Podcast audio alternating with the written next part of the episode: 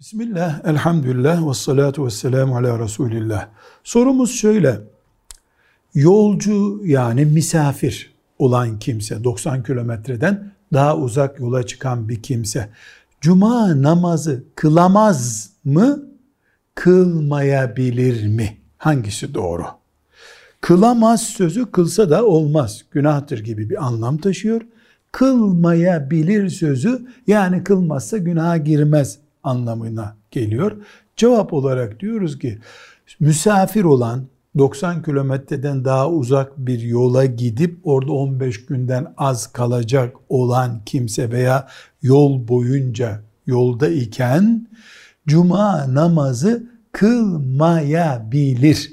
Kılmazsa öğleyi kılar günahı olmaz. Ama cuma kılınan bir yer buldu, vakti vardı, kıldı. Kesinlikle mübarek bir iş yapmış olur. Öğle namazı da gerekmez o zaman. Velhamdülillahi Rabbil Alemin.